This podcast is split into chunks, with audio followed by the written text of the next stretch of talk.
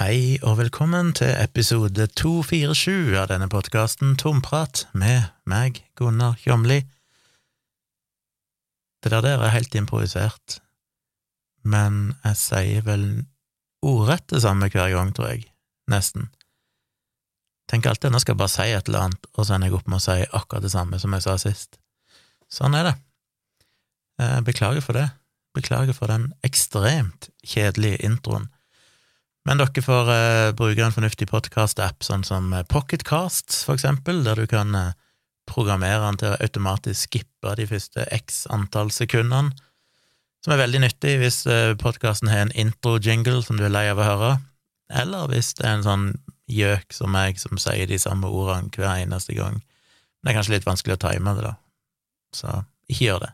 Ikke gjør det, men bruk Pocketcast eller en annen god podkast-app hvis du skal høre på podkast. Det er veldig nyttig for de som syns jeg prater treigt og tenker mye og har lange pauser, så kan dere jo speede meg opp til 1,3, 1,5, 2,0 og høre meg. Det hjelper.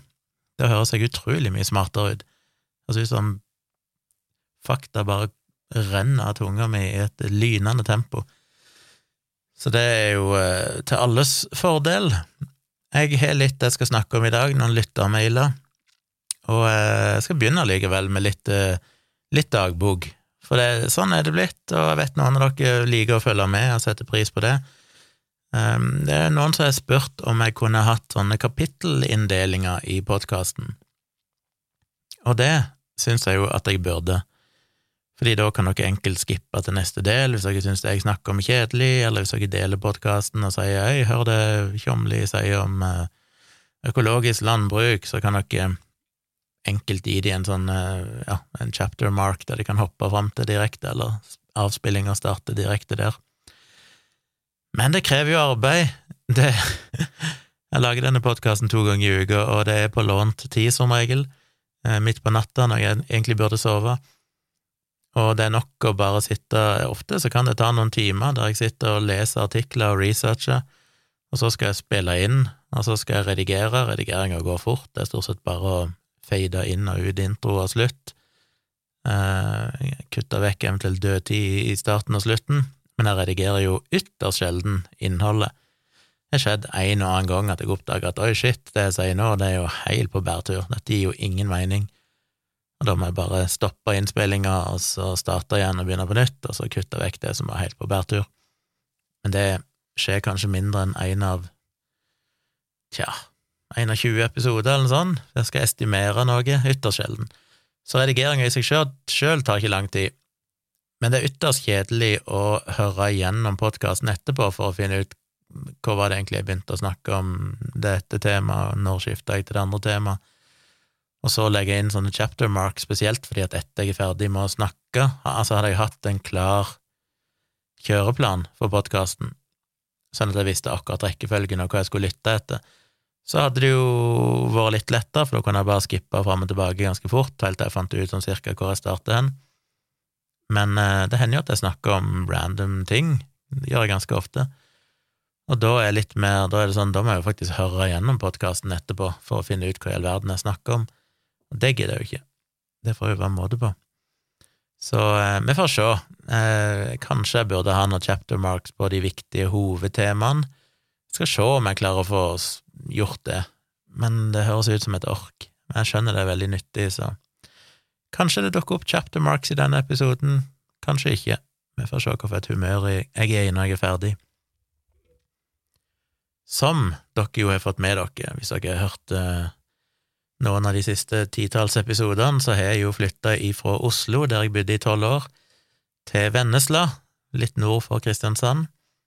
Og det har vært mye styr med flytting og elektriker og hele denne sagaen. Men jeg begynner liksom denne uka, nå har det vel gått omtrent nøyaktig en måned siden vi flytta inn, og nå føles det som at jeg bor her. Så jeg tror jeg må kunne si at det, det tok en måned omtrent før jeg liksom settla Eh, det farlige med det er jo at når 95% er på plass, så skjer det kanskje ikke så mye med de siste 5 prosentene. Det er litt der vi er nå. Nå er stort sett alt eh, på plass, alle sånne viktige ting. Men så står det jo litt kasser her og der som er sånn, ja ja, de inneholder ikke noe som jeg trenger, og de er ikke veldig sjenerende, så da overser jeg de. Jeg burde jo egentlig bare tatt meg eh, to timer en dag til å bare liksom få vekk det siste, men det ja, jeg får se om jeg klarer å få gjort det en dag. Men det er alltid farlig det der når du utsetter ting fordi du er nesten ferdig og begynner å chille litt, og da blir det jo bare aldri gjort. Men det er nå iallfall stort sett eh, på plass her, og det må jeg jo si er en veldig god ting. Og det, nå er det liksom våkne opp om morgenen, stå opp av senga, føles ikke lenger som om du er i et fremmed hus. Begynt å venne meg til liksom badet og komme inn på badet. Ikke, ikke helt. Jeg går aldri i dusjen ennå uten å tenke på at oi, her, dette er jo litt nytt og annerledes. Men eh, så er det jo en rar dusj òg. Vi har da en gigantisk dusj med to dusjer inni, så vi kan dusje to personer samtidig på hver sin side. Eh, det vet jeg ikke om kommer til å skje noen gang, det er liksom ikke vår eh, rutine, men, men ja, sånn er det. Og så ble det jo selvfølgelig sånn da at Tone og meg endte opp med hver sin side. Den ene sida ble mi, og den andre ble hennes, som jo egentlig ikke er noen fornuftig grunn til. Men de er nå ganske like, de to sidene. Jeg mener det er litt uh, Ja, jeg er veldig Jeg er en sånn dusjfetisjist. Jeg, jeg, er litt sånn som Kramer. Jeg må ha trykk i dusjen. Uh, det må liksom være riktig. Jeg har jo snakka om det før, hvordan hvis jeg er på et hotell der det er dårlig trykk i dusjen, som det jo er ni av ti ganger, så kan jeg finne på å legge igjen en dårlig rating og review i, i TripAdvisor eller et eller annet sånt. For det er, sånn, det er jeg kan leve med ei dårlig seng, jeg kan leve med et skittent rom, men uh, dårlig trykk i dusjen, der går liksom grensa.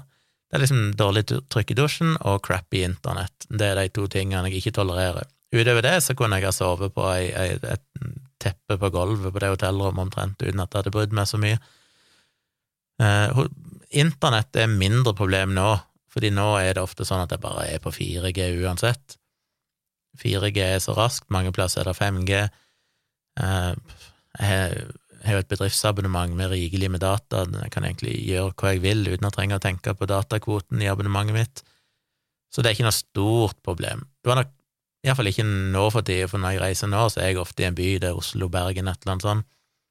Eh, tidligere, da jeg hadde veldig mye foredrag i, i forbindelse med bøkene mine, så endte jeg jo ofte opp på små plasser rundt forbi Norge, der det kanskje ikke var verdens beste mobildekning. Og da var det litt mer krise hvis internett var dårlig, men, men det, det har vel stort sett bedra seg de fleste plassene, så det er et mindre problem nå. Så det er dusjen. Det er dusjen som er problemet. Og selv om dusjene her eh, er Det er jo en sånn ting jeg faktisk smug, sm, smaug meg til å teste når jeg var på visning. Det var sånn, jeg må bare sjekke dusjtrykket her. Kan ikke flytte inn i et hus med dårlig dusjtrykk. Det kan jo selvfølgelig fikses. Eh, og her er det overkommelig. Jeg overlever. Det er langt ifra det verste jeg var borti. Men det er ikke optimalt. Strålene i dusjhovet er litt for langt ifra hverandre. Jeg liker en, en fyldig stråle ifra dusjen. Litt sånn kraftige, men breie stråler, hvis dere skjønner. Ikke, ikke brei-breie, men sånn halvbreie. Tre millimeter, vet ikke, to, etter faren. Men det, det er liksom noen dusjover som har mjuke stråler, men samtidig kraftige, sånn at det gir et, et skikkelig godt dekke når du, når du bruker dusjover mot kroppen. Den jeg har nå, den har litt tynnere stråler, de er litt mer stikkende, og trykket er ikke optimalt, men hvis trykket hadde vært mye større, så hadde det kanskje blitt smertefullt å bruke den, og det er litt for stor avstand mellom strålene. Og jeg har aldri helt skjønt biologien i det, men det har nok noe med hårvekst å gjøre. Jeg er en ganske hårete mann, det er mye hår på denne kroppen, og for de som ikke har mye hår på kroppen, så skjønner dere ingenting av dette. For dere er sånn som bare kan gå unna en hvilken som helst dusj, og så vips, så er dere blaute på hele kroppen. Jeg blir ikke blaut på kroppen med mindre jeg aktivt tar dusjhovet i høyrehånda og fører den ti centimeter fra kroppen, opp og ned langs alle lemmer og overkropp og underliv og overalt. Da blir jeg fuktig, for du må liksom trenge gjennom eh, pelsen, rett og slett. Jeg kan, ikke bare, jeg kan, ikke bare, stille meg under en dusj og så regne med å bli fuktig på hele kroppen. Eh, mens Tone, min samboer, hun føler jeg er litt sånn, hun kan bare stå under dusjen, og så er hun blaut. Så er det greit, det betyr ingenting for hun med trykk og sånn. Så er det jo de dusjene og enkelte steder på enkelte hoteller som er bare sånn at jeg får lyst til å knuse et TV. Eh, der Jeg mener, den, den ultimate testen er jo å holde dusjhovet opp ned og se hvor høyt strålene går. Og det er en del dusjer der du holder dusjhovet opp ned, og så pipler strålene opp sånn fire-fem centimeter før de bøyer og faller ned med gravitasjonens kraft til bakken. Og da, da får jeg en sånn Kramer-breakdown. Jeg, jeg, blir jo ikke blaut. Jeg kan holde dusjen mot kroppen, men hårveksten gjør at jeg egentlig ikke blir skikkelig fuktig inntil huden.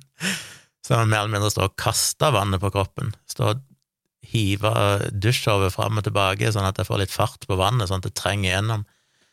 Eh, nå høres jeg jo veldig hårete ut, jeg er jo ikke så hårete.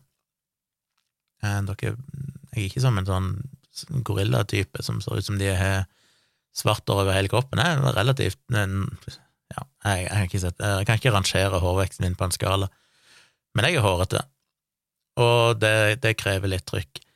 Så på et eller annet tidspunkt i framtida Nå er jo angst og alle kostnader som har, har vært her i forbindelse med innflyttinga, så jeg skal ikke gjøre det nå, men når, liksom, når blodtrykket har sunket litt, så er jo det en av de tingene jeg kunne vurdere å bruke penger på. Det er jo å faktisk bytte ut dusjhovet.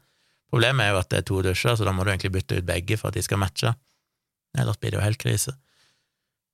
For å få litt bedre For jeg, tror ikke det, det, er veldig godt trykk i selve ledningsnettet, altså i vannrørene, for det er trykk i vasken og alt mulig sånn er helt ypperlig. Så jeg tror det er bare dusjhovet i seg sjøl som begrenser det. Så skal vi se, det, det er til å leve med. Hva hva slags verden begynte å snakke om det? Nå husker jeg ikke Anyway, jeg begynner her, om jeg er fornøyd, går inn i dusjen, ting virker noenlunde normalt, sover godt. Um, Sover lite, riktignok, men godt. Og ja. Vi har vært litt bekymra for temperaturen. Eh, det er kun varmeovner, panelovner, som varmer opp dette huset. Det er jo tre etasjer. Det er et par panelovner i nederste etasje. Luftet stiger jo opp i en sånn trappeoppgang opp til andre etasje, der hovedinngangen og gang og soverom og bad og sånne. Og der er det òg en panelovn på veggen. Men i tredje etasje, der det er stue og kjøkken, så er det ingen oppvarming. Og det funker egentlig greit, for sti varmen stiger jo oppover. Der er jo den eh, sånn vindeltrapp som går opp til tredje etasje, og det kommer jo mye varme opp der, tydeligvis. Men noen kvelder så kan det være litt sånn kjølig, akkurat litt for kjølig til at jeg helt kan trives helt. Så vi har jo lurt litt på hva, hva gjør vi med det, og det har jo fortsatt ikke vært 20 minus ute, liksom, så hva skjer den dagen det blir sånn virkelig kaldt ute? Skikkelig vinter. Så i dag eh, krøp vi til korset og gikk og kjøpte en, en eh, sånn gulvovn, en sånn vertikal, mild ovn med vifte. Så det går an, hvis det skulle bli kaldt, så går det an å skru den på litt, bare for å få litt varme. Eh, men det er jo høyt under taket, som jeg har nevnt tidligere, så eh, det er mye volum å varme opp men det skal ikke mye til. Det er liksom akkurat under grensa, og siden den har innebygd viftefunksjon òg, som du kan skru av og på, så går det an å plassere den foran sofaen, og så skal nok det gå helt greit hvis det skulle bli veldig kaldt.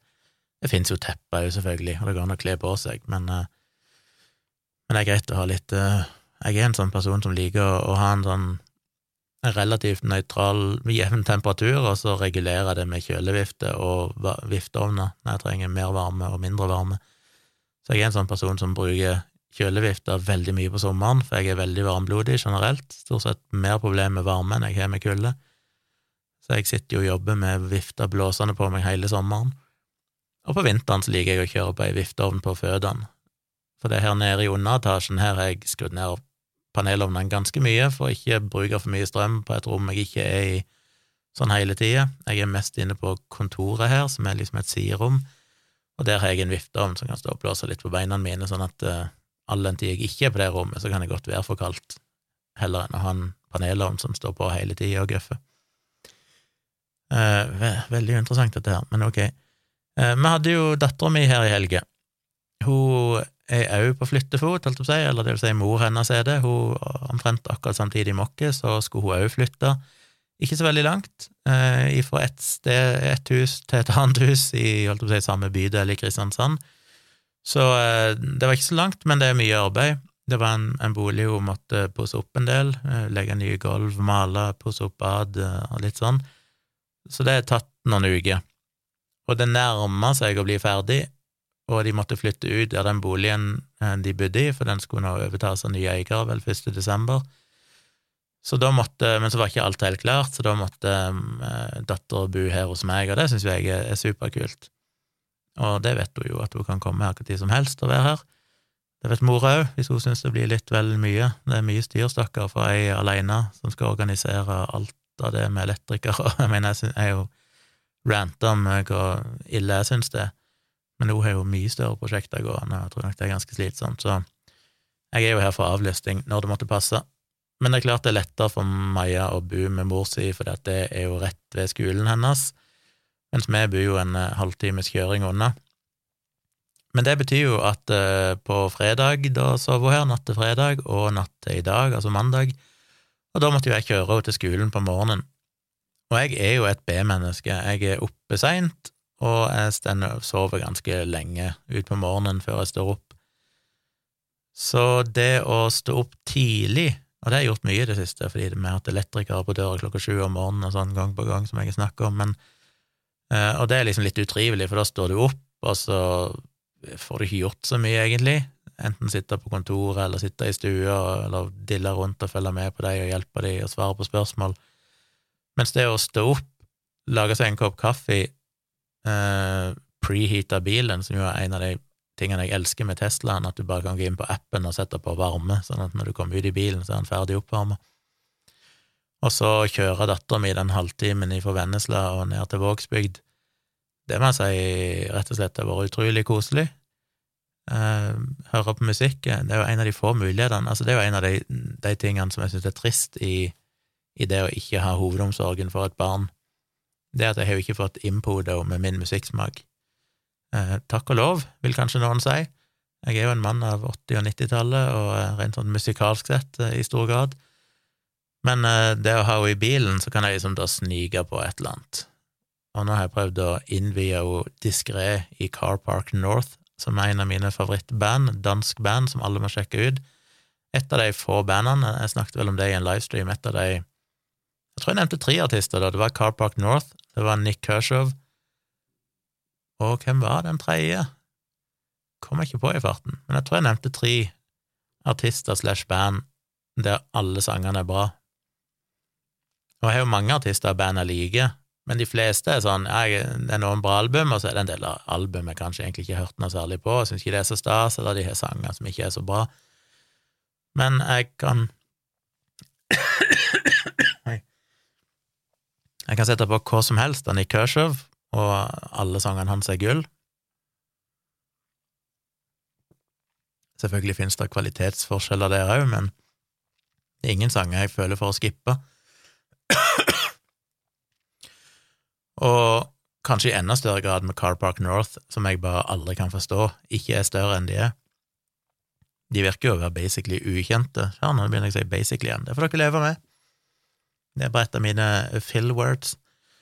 de er vel, så vidt jeg har skjønt, stort sett kjent i Danmark. Ja, de er selvfølgelig litt kjent i andre land òg, men jeg er vel ennå til gode å se at de har en konsert i Norge, for eksempel. Og jeg tviler vel på at de er spesielt store i noen andre land. Kanskje det er sånn som Norge, at de, de har masse fans i Japan og, og Tyskland og noe sånt. og Sør-Amerika, som er litt sånn typisk. Men ellers er de ikke spesielt kjente, som er helt sjokkerende for meg, for de har jo ikke gitt ut noe dårlig musikk. De har gitt ut flere album, og alt er bare diamant og smaragder og platinum Er det ikke det dette? Platina. Det er bare helt eh, Ja, det, det er liksom sånn musikk som er er laga som om noen hadde analysert hjernen min og funnet ut hvordan jeg ville ha produsert og skrevet det hvis jeg kunne gjort det. Og så har de bare mekka det sammen og gitt det ut, eh, fordi Ja, bare helt fantastisk. Sjekk ut Car Park North eh, hvis dere ikke har hørt dem før. Fins på Spotify og sånn. Gull. Så jeg dreiv og spilte litt av det, i håp om at hun liksom da skal, sånn i smug, begynne å like det litt. Så vi får se om det går. Men det var veldig koselig. I dag kjørte jeg nedover til Kristiansand, var litt mørk når jeg kjørte. Masse snø her. Sinnssykt mye snø som jeg kommet. Um, og så, når vi nærmer oss Kristiansand, så begynte liksom sola å komme opp, og det var Jeg satt med en kaffe i hånda som jeg hadde laga meg og tatt på en sånn termoskopp, og Ja, det føltes eh, nesten voksent. og så leverer dattera mi på skolen, og så kjører jeg hjem igjen, så var himmelen knallrød. Og det var Nei, det var en, en fin tur på en sånn 25 minutter, tenker jeg vel kanskje, å kjøre den turen. Så det var koselig. Så jeg er jo sånn jeg bare lyst til å skal være mer. Jeg er klar som et egg til å kjøre henne til skolen. Jeg syns det var det supertrivelig. Og det er jo en, en av de mulighetene jeg òg får til å prate litt med henne. Hun er jo for det første ganske lik meg, hun er veldig introvert, hun liker helst å sitte på rommet med mobilen. I tillegg så er hun jo fjortis, eh, og det gjør ikke ting noe bedre. Så det er ikke så mye vi ser til henne. Det er mye enstavelsessvar. Går det bra, Maja? Ja. Hvordan har du det? Greit. Det er liksom på det nivået. Og jeg vil jo ikke liksom sitte og ja, og være for påtrengende og, og liksom tvinge ting ut og jeg vet jo at jeg hadde hata det sjøl, men det å finne naturlige settinger der du på en måte må prate litt, det er fint. Så det å sitte i bilen, da er det litt sånn, da går det an å, å få til litt sånn prat, og det setter jeg jo pris på, siden jeg ikke har hatt så mye samvær med henne tross alt i hennes levetid. Så det er rett og slett litt koselig. Og vi fikk fiksa opp rommet hennes nå, hun har jo vært her litt tidligere, men da ikke rommet var helt ferdig, men nå fikk jeg skrudd opp eh, hylle på veggen og et sånn speil som hun liker å ha der, så hun kan ta selfier og sånne ting. Og litt sånn. Men hun har klagd på at rommet er litt kaldt, for det er ikke noe varme der. Så vi var på Monter i dag, den lokale Monter i Vennesla, som er blitt hyppige gjester hos. Og kjøpte da, i tillegg til den ovnen oppe i stua, kjøpte en panelovn til hennes rom som jeg må få skrudd opp. Kjøpte snøskuff. Og naboen her sendte meg en SMS i dag tidlig og tok bilde av en sånn stor snøskuff som han hadde, sånn brei en, sånn skikkelig og spurte om jeg ville kjøpe den. Eh, så sa jeg eh, ja, det kan jeg jo. Han var nesten ny, lite brukt, han hadde hatt den på hytta, men han hadde ikke brukt den, så han hadde tatt den med hjem, og så kunne jeg få den til halv pris. Så da fikk jeg den, men jeg måtte òg ha en sånn litt mindre en, så jeg kan bruke til trapp og, og litt sånn oppe med dør, dørutgangen i andre etasje og litt sånn. Så jeg fikk kjøpt det, kjøpt litt annet eh, smådill, eh, som eh, Ja, brannslukkingsapparat kjøpte jeg òg, for vi hadde jo denne hussjekken her, og begge brannslukkingsapparatene i huset her, var jo da, eller gikk ut på dato, eller går ut på dato i år. Pulverapparat varer i ti år, går ut i år. Så da var jo, da kan du vel fylle på de, men han som hadde den hussjekken, han sa at det koster omtrent like mye å fylle de på som å bare kjøpe nye. Så han altså anbefalte han egentlig skum, eh, fordi det er klart, eh, jeg har jo vært borti det før, men mine foreldre hadde jo et uhell for mange, mange år siden. Det er jo en eh, vedovn i stua. Oppå der så hadde pappa, eller var det mamma, jeg husker ikke, satt en sånn, hva heter det, kandelaber. En sånn lysestake med mange lys i, som var full av, jeg vet ikke hvor mange det var, fem eller noe sånn, stearinlys, helt nye. De sto oppå ovnen, for de skulle ha gjester på besøk, og så var det en av de da som ikke hadde lagt merke til det, gikk inn og fyrte i ovnen. Og den eh, lysestaken var av metall, så gikk de ut, og så når de kom inn igjen seinere, så hadde jo all stearinen, alle de fem lysene, smelta og rundet ned over ovnen og tatt fyr. Så der sto jo ovnen og brant, og pappa, var det vel, gikk løs med pulverapparatet og fikk slokka det, heldigvis, så ikke huset brant ned. Men i tillegg til at det ble lite grann sotskader, det var ikke noe store greier, tror jeg, så det var ganske lett å fikse akkurat det. Men i tillegg så måtte de jo renovere hele huset omtrent, for da var det jo pulver overalt. Så det er jo akkurat det. Det er sånn du redder kanskje huset for å brenne ned, men hvis det er en mindre brann som kanskje ikke hadde fått huset til å brenne ned, så gjør det nesten vondt verre. Eh, så det med pulver er jeg jo vært skeptisk til etter den episoden. Eh, skum er jo bedre, da slipper du det problemet, men det krever litt mer vedlikehold, det er litt kortere varighet og sånne ting. Eh, er fordel og ulempe med alle. Men da jeg kom inn på butikken her, så hadde de ikke skum, de hadde pulverapparater, men de hadde òg karbondioksidapparater. Og da ble jo jeg nysgjerrig, for jeg tenker det må jo være det optimale. Det er jo no mess. Gass, liksom. Det er jo optimalt. Men jeg fikk jo litt sånn hvorfor bør jeg kjøpe dette, bør jeg ikke? Så jeg måtte inn og google litt, fant jeg en eller annen nettside som sammenligna de forskjellige, og jeg fant ikke noen gode grunner til å ikke velge karbondioksid, så jeg endte opp med å kjøpe de. I utgangspunktet dyre, jeg tror de koster 2500 per stykk, men de hadde 70% rabatt på de, så da fikk jeg de til noen hundrelapper hver. Og da var det jo definitivt et godt kjøp og verdt det, tenker jeg, så fikk med meg to sånne hjem. Så det ble litt shopping i dag òg, i tillegg til at jeg fikk kjøpt den famøse gardintrappa som jeg nå har venta på lenge. Fordi jeg sa vel i en tidligere episode at det var seks meter under taket, det stemmer jo på ingen selvs måte, men det bare plukka jeg opp fordi hun, når vi overtok leiligheten eller huset, så sa hun forrige eieren at vi måtte ha ei, trapp på seks, en stige på seks meter for å komme opp til toppen og skifte de spottene. Og jeg er dårlig på øyemål, så jeg bare kjøpte det. Men etter litt nærmere omtanke og vurderinger så ser jeg jo det er jo ikke seks meter, det er vel kanskje et sted mellom tre og en halv og fire meter på det høyeste punktet. Så da måtte jeg regne ut hvor høy gardintrapp må jeg ha for at jeg skal kunne stå på den, strekke meg opp og nå spottene. Men vi har jo ikke bil til å frakte ei svær gardintrapp på. Jeg måtte kjøpe ei gardintrapp som var 1,7 meter, endte jeg opp på. Eh, og så er det jo en sånn bøyle over der igjen, så hele greia er kanskje to meter. Jeg tenkte, jeg vet ikke om jeg får den inn i bilen, så jeg gikk til det skrittet, som er sånne ting jeg aldri ville gjort før. Men jeg er blitt så modig siste året. Så jeg eh, gikk rett og slett til en av de som jobba der, og, og, spurte om det var mulig at de kunne levere den til oss. Det er jo bare tre minutters kjøring fra den monteren til oss, det er nesten, holdt på å si, noen hundre meter. Uh, og i utgangspunktet gjør du ikke det, men jeg bare forklarte han at vi hadde akkurat flytta her, vi kjente ingen, uh, jeg fikk han ikke inn i bilen, jeg visste ikke hvordan ellers skulle få han med meg hjem, jeg var helt avhengig av å få tak på denne. Så etter å ha snakka litt med han, så tror jeg han hadde empati for meg, og endte opp med å si at jo da, han kunne en, en eller annen dag, når det passa, og han hadde firmabil som hadde plass til han, så kunne han sikkert svippe opp om. Så jeg tror han skulle levere den på onsdag til meg, plassere den på utsida her, så det var jo, det var jo gull. Og da kan jeg endelig få montert røykvarsler og være klar til at spottene skal byttes når den tid kommer. Uh, ja. Vi hadde òg en tur til søppelfyllinga, som òg var en morsom opplevelse. Det har jeg ikke gjort siden jeg var liten, i gode gamle dager på Tonstad, da en hadde søppelplass, da du egentlig bare kjørte opp og dumpa alt i en haug. Eh, vi fikk jo naboen her, han var, jeg vet ikke om jeg har sagt det før, men han var jo snill nok, han er jo tilhenger, så han var snill nok til å ta mye av søppelblokka, eh, det meste vi hadde av papp, for han skulle på søppelfyllinga uansett, med noe annet dritt han hadde liggende. Men jeg hadde fortsatt et tonn med plastemballasje inni et skur her, så jeg fikk eh, stappa det opp i plastsekker og dytta det inn i Teslaen. Så Teslaen var stappa full av plast fra frontsetene eh, og alt bak. Og så kjørte vi til denne fyllinga, som var en sånn 20 minutter, 25 minutters kjøring herifra. Og det var egentlig veldig greit. Eh, som sagt, jeg har ikke vært på ei søppelfylling omtrent på 30 år, så tidene har jo forandra seg.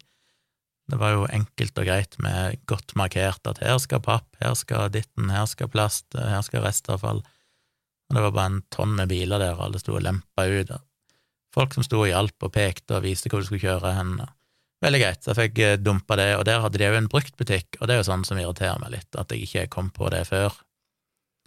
For på den søppelfyllinga så har de altså en bruktbutikk, og vi hadde ikke så god tid, for de stengte om, et, om ti minutter eller sånn. Men Tone var på jakt etter et arbeidsbord som hun kan bruke til å male sånn på. Vi hadde jo sett på noen bord, men så koster de fort ganske mye penger, og det er litt dumt å ha et splitter nytt bord når du kan søle maling på det og sånn Så vi gikk innom der, og der eh, hadde de jaggu meg et perfekt bord til hennes bruk, som kosta 100 kroner. Og når jeg var der inne, så ser jeg jo at de har mange sånne Ikea-hyller, stort sett identisk med det jeg nettopp har kjøpt splitter nyttig for Ikea, eh, som de sikkert solgte for, jeg så ikke prisen, men det var sikkert 100-200 kroner, eller annet sånn latterlig billig.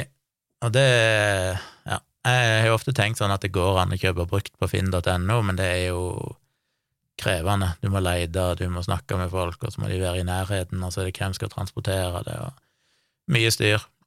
Jeg har aldri kommet på at det finnes sånne bruktbutikker, og, og eksen min som bor her i Kristiansand, hun sa jo at det var mange av dem rundt forbi, så vi må nok ta en tur der igjen. Jeg tror jeg kan finne noe nyttige ting der kanskje etter hvert, men det er litt irriterende at jeg ikke oppdaga det før, for det kunne jeg jo spart noe penger på. Eneste problemet var transporten, og vi hadde ikke nødvendigvis fått transportert det uten hjelp, men kunne vel latt seg ordne på et eller annet vis.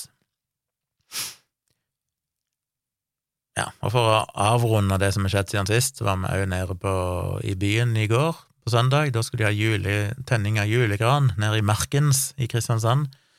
Og dattera mi ville ned der, for hun skulle henge med noen venner, så vi kjørte ned, parkerte i et parkeringshus under Kristiansand. Og så gikk vi opp.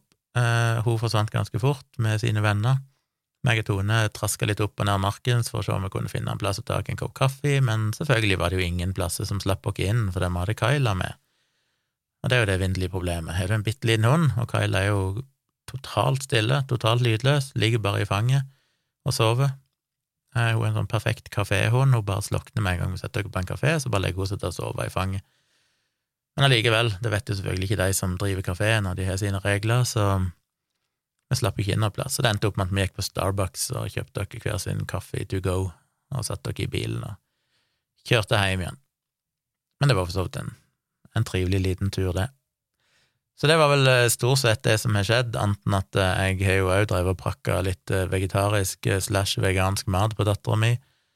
Sist hun var her, så lagde vi jo fajitas, eller taco, eller hva du vil kalle det, med lefse og grønnsaker og rømme og salsa og da det som ofte kan være kjøttdeig. Jeg har jo ofte tidligere laga de med bønner, det er jo veldig godt, men denne gangen så kjøpte vi noe sånn vegansk kjøttdeig og det skjønte ikke hun var vegansk kjøttdeig. Før jeg sa dette en stund, så sa jeg hvordan likte du den uh, veganske kjøttdeigen? Så sa hun hæ, var det ikke kjøtt? Hun var helt sikker på at det var vanlig kjøtt. Jeg derimot syntes ikke den var spesielt god. Den smakte litt sånn, vet ikke, hadde en sånn bismak, kunstig, så jeg kommer nok ikke til å kjøpe den igjen. Men dattera mi ble jo ble lurt. Og denne helga har jeg lagd burger til henne to ganger. Uh, jeg kan ikke kalle det vegansk burger fordi jeg har på ost. Eh, og gudene vet jeg vil på noe sånn eh, Ja, et eller annet sånn majones Det er ikke majones, men en sånn Ja, det er mye majones, holdt på å si majonesbasert, et eller annet sånn hamburgersaus, som sikkert også inneholder både melk og egg. Men jeg vil kunne kalle det vegetarisk, med sånn Beyond Burger. Og de likte hun veldig godt, og det syns jeg er gøy, for jeg spiser jo de stadig vekk. Det er jo blitt en sånn ting Jeg mener, jeg har aldri noen gang i mitt liv før lagd burger til middag, men nå har jeg jo begynt å gjøre det jevnlig. Jeg syns det er så gøy å lage de burgerne med masse grønnsaker og jalapeño og sauser, og de veganske burgerne funker som, eh, som bare det. Så det blir kult å lage det til òg, og merke at hun syns det funker helt fint. Så det er jo en anbefaling som jeg sikkert har kommet med før, men gjerne kom med igjen, sjekk ut disse veganske burgerne. Gjerne Beyond Burger og sånn. Og Helsans kjøk sine syns jeg er gode. Ja, så over til substansen i denne episoden. Jeg har jo snakka en halvtime om bare dill. Jeg eh, kom over en Jeg følger jo bloggen til Edzard Ernst. Han har jo en litt eh, merkelig blogg, som så ut som han designa i 1992, og ingen har oppdatert han siden den gang, med ganske korte tekster, og ikke alltid like bra innhold. Men uh, han er jo en profilert uh, skeptiker, motstander Ikke motstander, det er kanskje feil å si. Han er kritisk til alternativ behandling. Han er jo opprinnelig Er han tysk eller han østerriksk, et eller annet borti der, og var jo homopat før, tok seg homopatutdannelse, vet ikke hvor langt han kom i å jobbe med det, men han var veldig inne i homopatien, og oppdaga etter hvert at dette her egentlig ikke var noe, og så har han på en måte havna på motsatt side og blitt en aktiv kritiker av homopati og alternativ behandling. Eh, blant annet skrevet en bok, Trick or Treatment, sammen med Simon Singh, som er veldig bra. Eh, så han sin blogg følger jeg, jeg har vel sitert han òg noen ganger i mine bøker, sånn, iallfall i placebo-defekten, der det var relevant. Han følger jeg med på, har han i RSS-feeden. Han kom med en bloggpost nylig der han viser til to nye studier som jeg syns var litt interessante. Den første studien, som ble publisert i midten av oktober i år, Eh, den har sett på sammenhengen mellom konspirasjonstenking og helseutfall, og på en måte ja, well-being, eller hvordan du har det, da, i løpet av pandemien. Så det de gjorde, var at de hadde et, eh, en sånn spørreundersøkelse blant nesten 6000 personer i Nederland. Det vil si, de starta med flere i april 2020 og så ble det vel stilt spørsmål en gang til, men det har de ikke med i den undersøkelsen, men så ble det stilt spørsmål enda en gang til i desember 2020. Så altså først i april, altså kort tid etter at pandemien brøt ut, da Nederland opplevde sin første bølge og lockdown, og så igjen i desember, da Nederland igjen hadde en sånn peak og ny lockdown. Så de sammenligna da holdningene disse menneskene hadde i april, med risikoen, eller med enkelte utfall da i desember 2020, for å se hva for noen ting som korrelerte. Og kort sagt, hvis en skal oppsummere det, så fant de jo at de som hadde i, i april uttrykte og svarte høyt på sånn spørreskjema i hvor stor grad de trodde på forskjellige konspiratoriske ideer rundt pandemien, så fant de at når de testet det igjen da i desember, så hadde de med høyest tro på covid-19-konspirasjonsteorier en redusert sannsynlighet for at de noen gang hadde blitt testa for korona, og hvis de hadde blitt testa, så hadde en økt sjanse for at de faktisk hadde en positiv test, altså de hadde høyere risiko for å bli smitta. De hadde òg en høyere sannsynlighet for å ha brutt eh, forskjellige smittevernregler og sånne ting. De hadde òg en eh, dårligere utfall rent økonomisk, det vil si høyere andel av at de hadde mista jobben eller fått redusert inntekten sin enn det folk som ikke trodde så mye på konspirasjonene, hadde. De hadde i større grad opplevd å bli eh, å miste venner, miste ja, nære relasjoner som hadde kutta kontakt med dem, og generelt sett så hadde de så følte de seg dårligere, altså en, en decreased overall well-being. Så det var det de, de så på spesifikt knytta til covid-19-konspirasjonsteorier, men så sjekka de òg da i hvilken grad det gjaldt det å ha en sånn konspiratorisk mentalitet generelt sett, altså ikke bare knytta til covid-19, men bare sånn generelt sett hvor stor tro du hadde på konspirasjonstenking eller teorier. Og i veldig stor grad så sammenfalt det, da. Eh, ikke overalt, så kommer jeg litt tilbake til det. Så konklusjonen var jo at det å ha disse konspirasjonsteoriene generelt sett da eh, sammenfalt med en dårligere utfall på de fleste skala i løpet av denne åtte månedersperioden. Hvis vi går litt mer spesifikt inn i hva de faktisk sjekka Skal vi se om vi kan finne det fram her.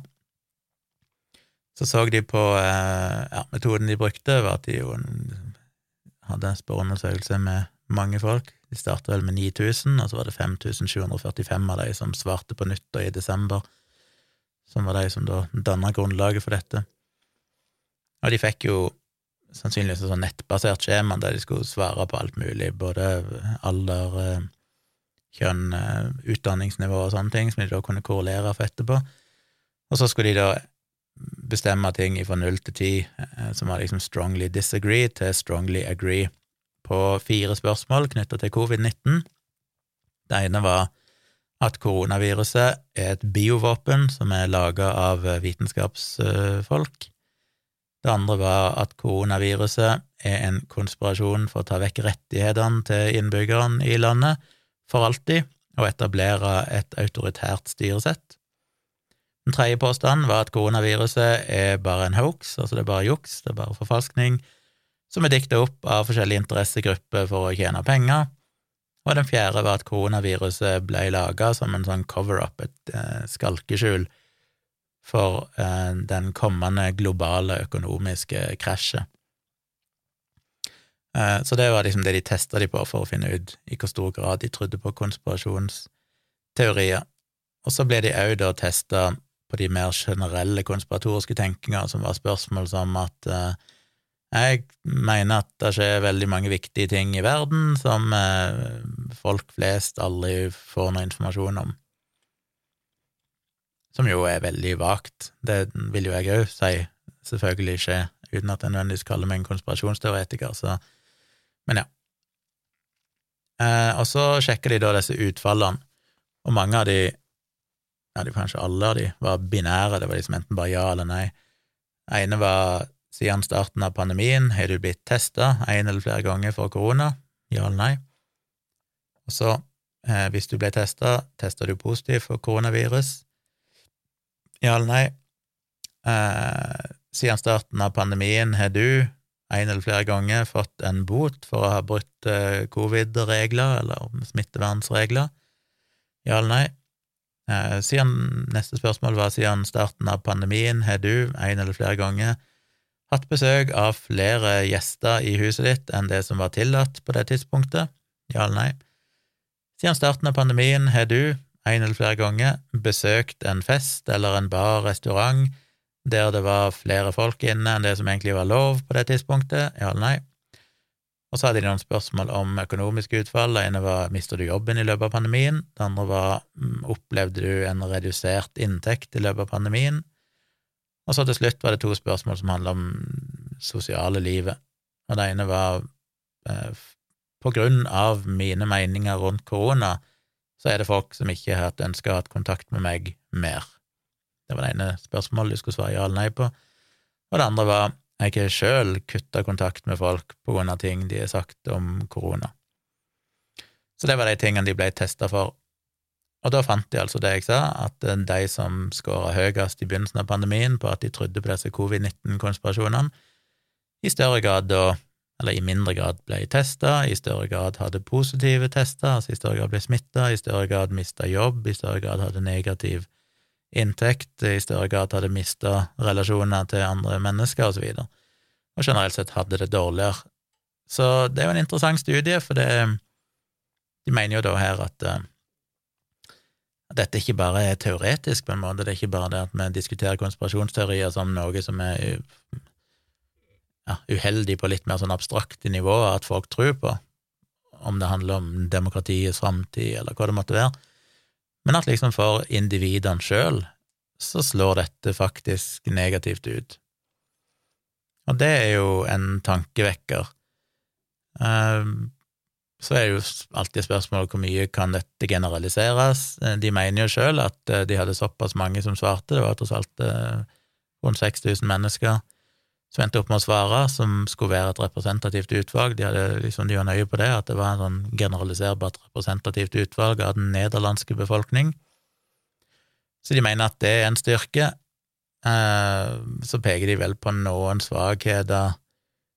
For eksempel så har de vel pekt på at eh, de kanskje var litt for spesifikke i disse konspirasjonsteoriene, altså det at det er kanskje en, en, relativt liten andel som vil gå så langt som å si at koronaviruset er et biovåpen konstruert av vitenskapsfolk, osv., osv., men at de kanskje burde gjenta studien og ha litt mer sånn generelle, ikke så sterke konspiratoriske påstander rundt covid-19.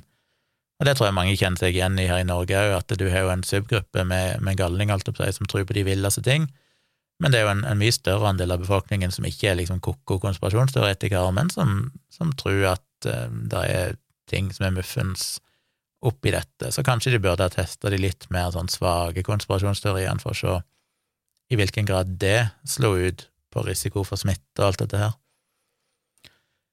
Um, ja, så de drøfter det litt. Jeg lenker til, til fullteksten av studien i shownotes, så dere kan lese det sjøl. Som vanlig så vil jeg jo anbefale dere å, hvis ikke dere gidder å lese hele forskningsartikkelen, så eh, bla dere ned til slutten og les discussion, altså diskusjonsdelen. Det er jo ofte det som kan være mest eh, Hvis ikke en vil orke eller kan dykke ned i, i, the gritty details, så er ofte diskusjonsdelen er jo ofte skrevet på et ganske enkelt språk, der de igjen oppsummerer hva det egentlig de gjorde, hva det de fant, og så drøfter de styrker og svakheter og sånne ting. Og det er ofte den mest interessante delen å lese.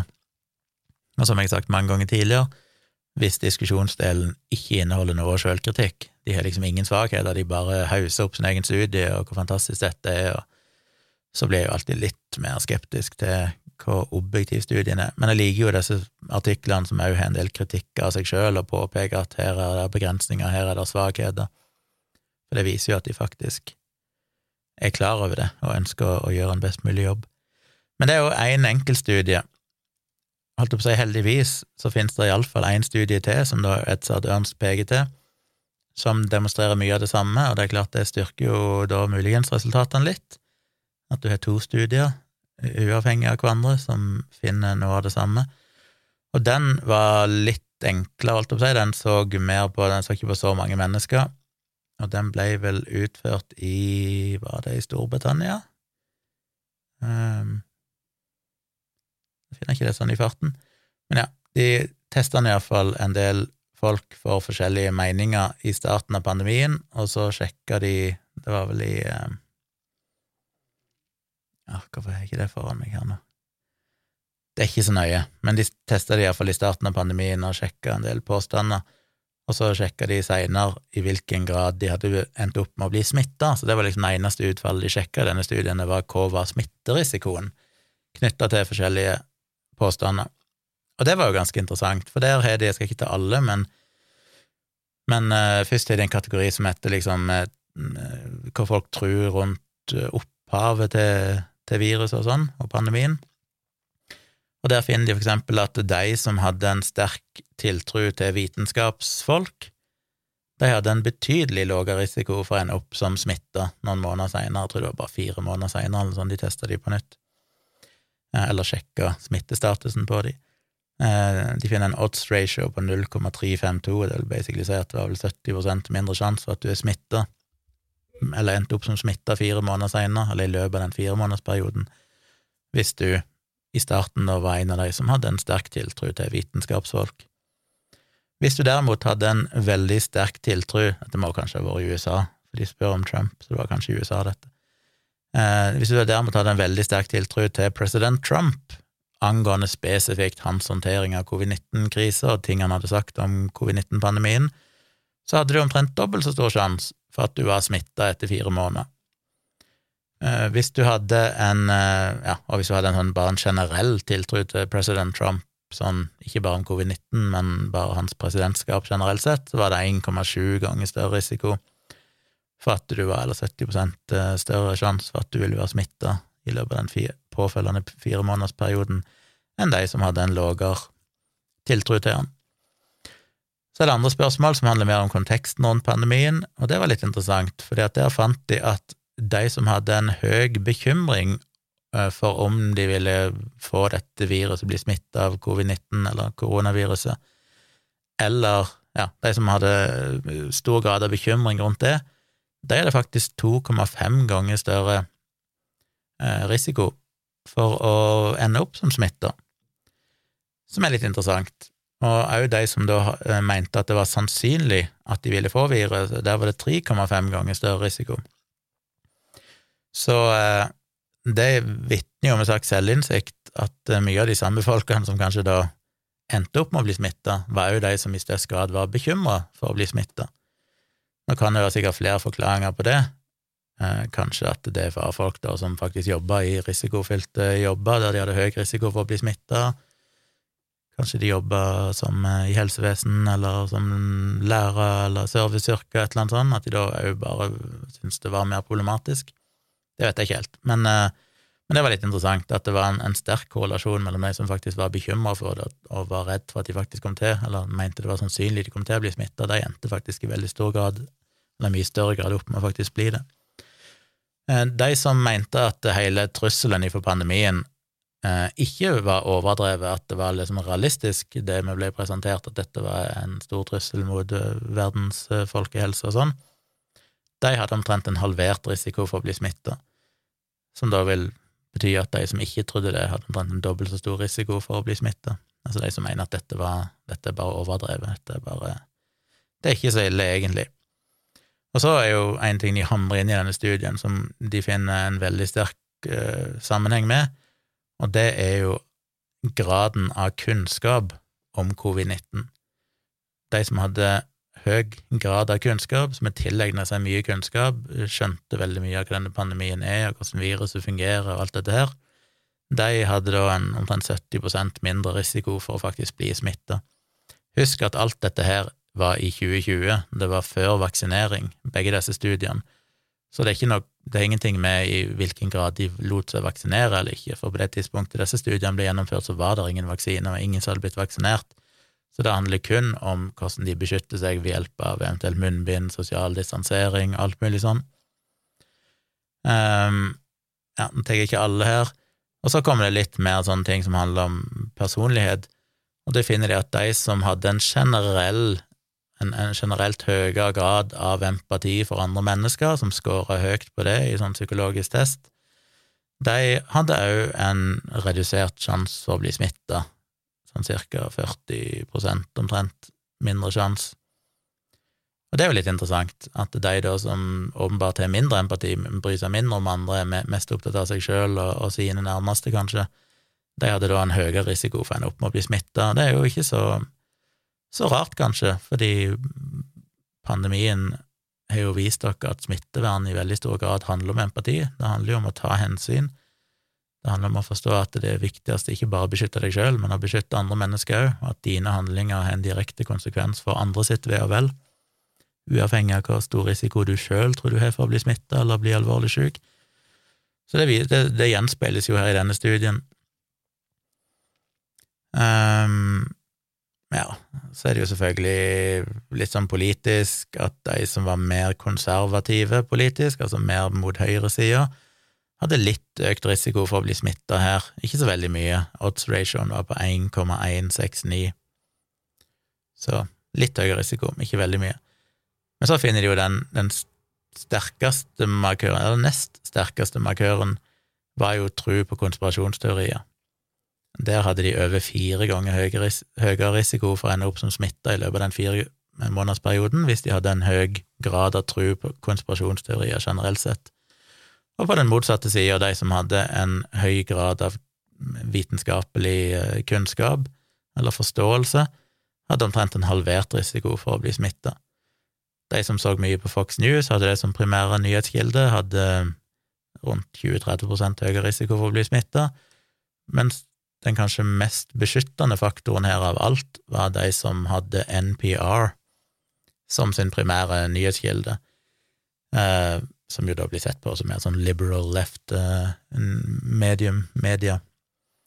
De var helt nede i en risiko på 0,25, så men 75% redusert risiko for å bli smitta.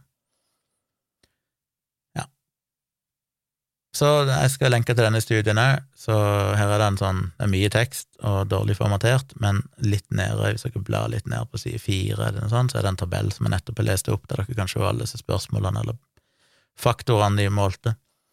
Men alt i alt så var altså poenget da iallfall at de som hadde høy kunnskap om covid-19 og høy tiltro til vitenskapsfolk og høy forståelse for vitenskap generelt, hadde en ganske betydelig redusert risiko for smitte. De som hadde høy tro i konspirasjonsteorier, høy tillit til Trump, eh, mente at eh, pandemien var overdrevet og alt dette her, de hadde da en betydelig økt risiko for å bli smitta bare i løpet av de få månedene.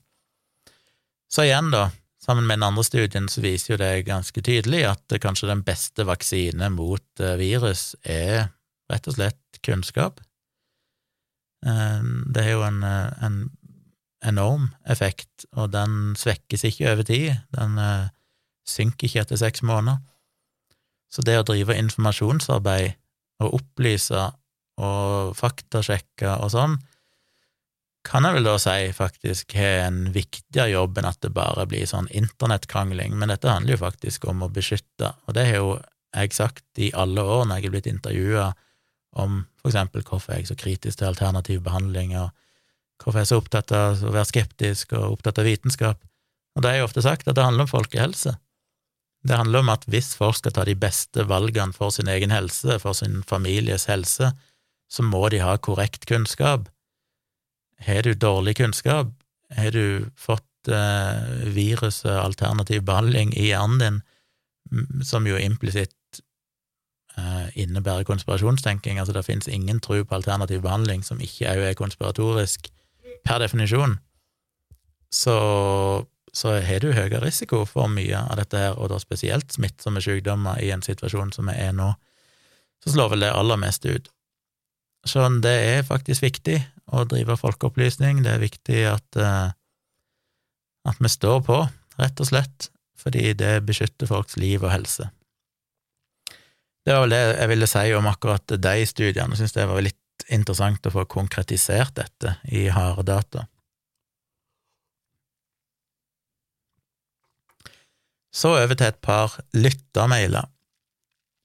Jeg fikk en, en, kort mail fra en som kaller seg Trassig gjedde, som skriver Hei, hørte en av de nyeste podkastene dine hvor du snakker om økologisk matproduksjon. Ut ifra metaanalysen virket det som Eh, økologisk produsert kjøtt var mer miljøeffektivt enn kommersielt produsert kjøtt. Har jeg misforstått, eller bør man kjøpe økologisk produsert kjøtt? Godt spørsmål, din trassige gjedde. For det første så vil jeg ikke kalle det kommersielt produsert kjøtt, men altså konvensjonelt produsert kjøtt, altså produsert på den konvensjonelle eller vanlige måten, holdt jeg på å si. Så kan en jo alltid sikkert flisespikke om hva som egentlig er vanlig her i verden, men, eh, men eh, ja, konvensjonelt produsert kjøtt. Eh, og spørsmålet er jo legitimt, og jeg måtte jo gå tilbake igjen og se.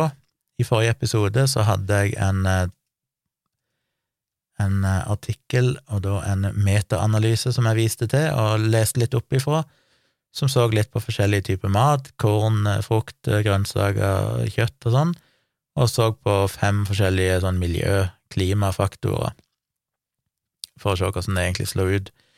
Og da sa jeg at når det gjaldt uh, utslipp av klimagasser, det vil si da CO2 eller tilsvarende konverterte CO2, andre gasser konverterte tilsvarende CO2-ekvivalenter, uh, så kom jo faktisk økologisk produsert kjøtt Nå har de jo generalisert det vennlig her og bare kalt det for kjøtt, uten å skille mellom uh, forskjellige typer kjøtt.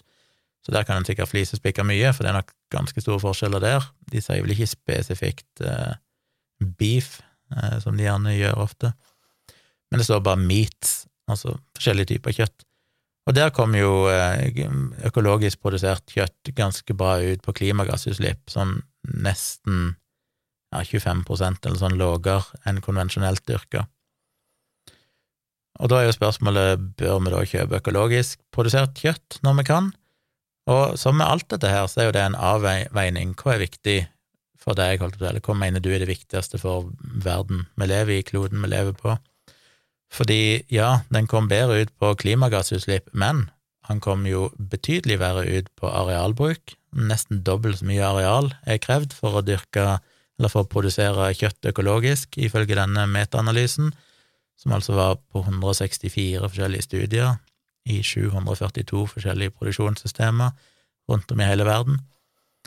Og jeg mener jo at arealbruk er definitivt en av de mest kritiske tingene, som jeg sa sist. Vi bruker omtrent halvparten av klodens areal allerede. De fleste av disse metodene å produsere økologisk på ser ut til å bruke alltid fra 50% til 100% mer, altså en dobling av arealbruket, inklusiv kjøttproduksjon.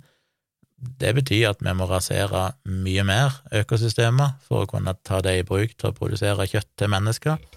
Og det tenker jeg ikke er spesielt lurt. Det vi trenger, er jo å effektivisere det, og samtidig da ivareta dyrevelferd. Og akkurat når det gjelder kjøtt, så er vel da kanskje løsningen å prøve å spise mindre kjøtt, som jo er min anbefaling, og som jeg har prøvd å gjøre det siste halvåret, og nok kommer til å fortsette med.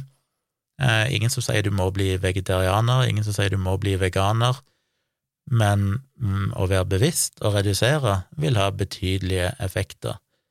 Og det syns jeg jo alle skal gjøre, om du kutter kjøtt én dag i uka, eller to dager i uka, eller bare spiser kjøtt i helgene, eller bare spiser kjøtt til høytider, eller kutter det helt. Det får være litt opp til deg. Det går an å begynne et sted og så ta det gradvis, sånn som jeg ikke litt gjort. Jeg kutter kjøtt, men jeg tar jo fortsatt å spise ting basert på melk, og det finnes sikkert egg i noe av det jeg spiser. Men jeg er bevisst det. Jeg tenker på det hver gang. Jeg er hele tida på jakt etter gode alternativer, og ja, kall meg en egoist som eh, fortsatt velger å spise ost fordi jeg ikke finner noe god eh, vegansk ost, men jeg syns iallfall langt på vei at jeg har kutta kjøtt, og, og generelt sett spiser mindre av alle disse tingene enn det jeg gjorde før, er et godt stykke på veien. Og si, hvis alle hadde klart Ikke at jeg har gjort noe fantastisk, det er selvfølgelig de aller fleste som driver dette, er mye bedre enn meg, men hvis alle hadde klart det som jeg har gjort, med alle sine feil og mangler, så hadde vi jo i stor grad løst problemet. da hadde det jo eh, vært en betydelig nedgang i det vi trengte av, av dyr og sånn til produksjon, så, så gjør det. Det er jo det beste. I tillegg så var det jo dette med forurensing av, av eh, nærliggende bekker og elver og sånne ting. Der kom jo eh, økologisk produsert kjøtt det er mye dårligere ut, med mye mer forurensning, mye mer lekkasje av næringsstoffer og sånn til til nærliggende vassdrag, som fører til algevekst og, og for lite oksygen i vannet og alt det der. I tillegg så førte jo så var det jo muligens litt verre på forsuring av vann, men det var ikke statistisk signifikant, så det kan en ikke si nødvendigvis, at økologisk eh, produsert kjøtt var dårligere på akkurat den, og heller ikke på energibruk, der kom det omtrent likt ut. Så bedre på klimagass, eh, nøytralt, holdt jeg på å si, på forsuring av vann og på energibruk, men verre på arealbruk og på forurensning av nærliggende vassdrag. Så må man jo da vekte det hva man syns er viktigst. Hvis du mener at klimagassutslipp er viktigere enn alt annet, ja, ok, kanskje du da bør velge økologisk produsert kjøtt hvis du mener å ha god dekning for det. Jeg gjør nok ikke det. Og så kan en selvfølgelig se på andre studier. Der er Nå er ikke jeg helt sikker når denne metaanalysen Jo, den er fra 2017, og der er kommet studier siden den gangen. Det kom en i fjor, blant annet en stor britisk studie som da konkluderte med at klimagassutslippene eh, for økologisk og konvensjonelt var omtrent eh, de samme. Det var ikke noe bedre for økologisk, iallfall. Og uansett var det mye verre enn å produsere plantemat. Så hvis en virkelig bryr seg om klimagassutslipp, så er jo svaret selvfølgelig å ikke spise kjøtt.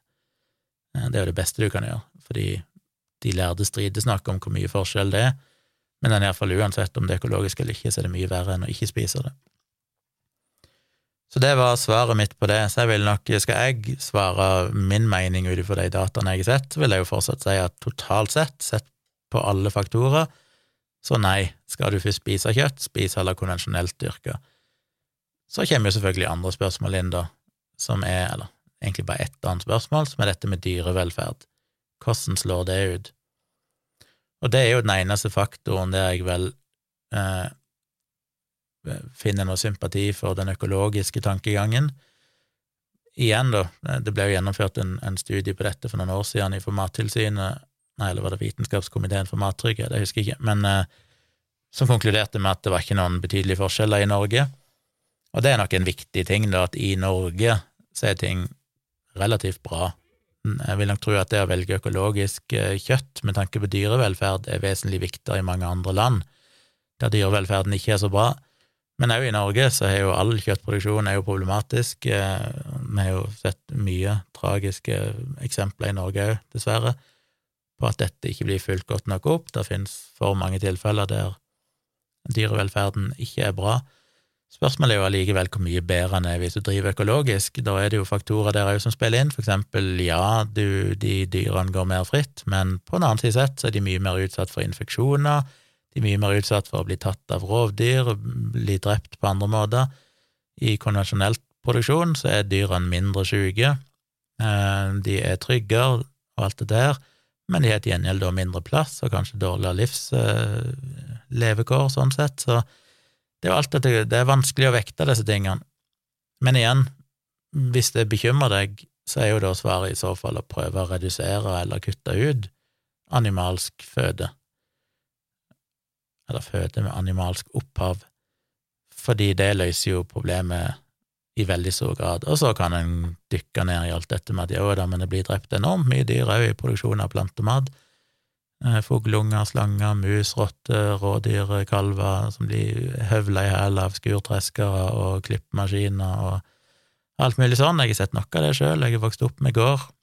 Det er ikke rent få kvesta dyr jeg har sett eh, på jordet når pappa har kjørt traktoren over for å slå gresset, for å produsere høy. Um, det er ikke som at det å produsere plantemat ikke tar livet av milliarder på milliarder av dyr hvert eneste år. Det gjør det, men det er jo en, en omfattende diskusjon, så vi skal ikke gå inn i den nå. Det er gjort i andre sammenhenger. Men det er ikke lett. Men eh, en kan nok konkludere med at sånn totalt sett så kommer en nok bedre ut ved å kutte ut og spise kjøtt, og, og det hvis en bryr seg om dyrevelferd og, og, alt dette her.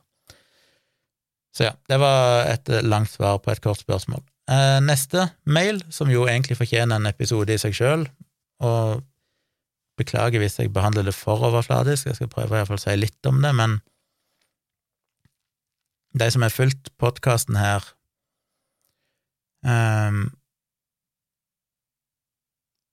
Ja, det er litt vanskelig hvordan jeg skal behandle denne mailen. Uh, de som har fulgt podkasten her, vet at jeg tidligere har lest opp én eller to mailer ifra en lytter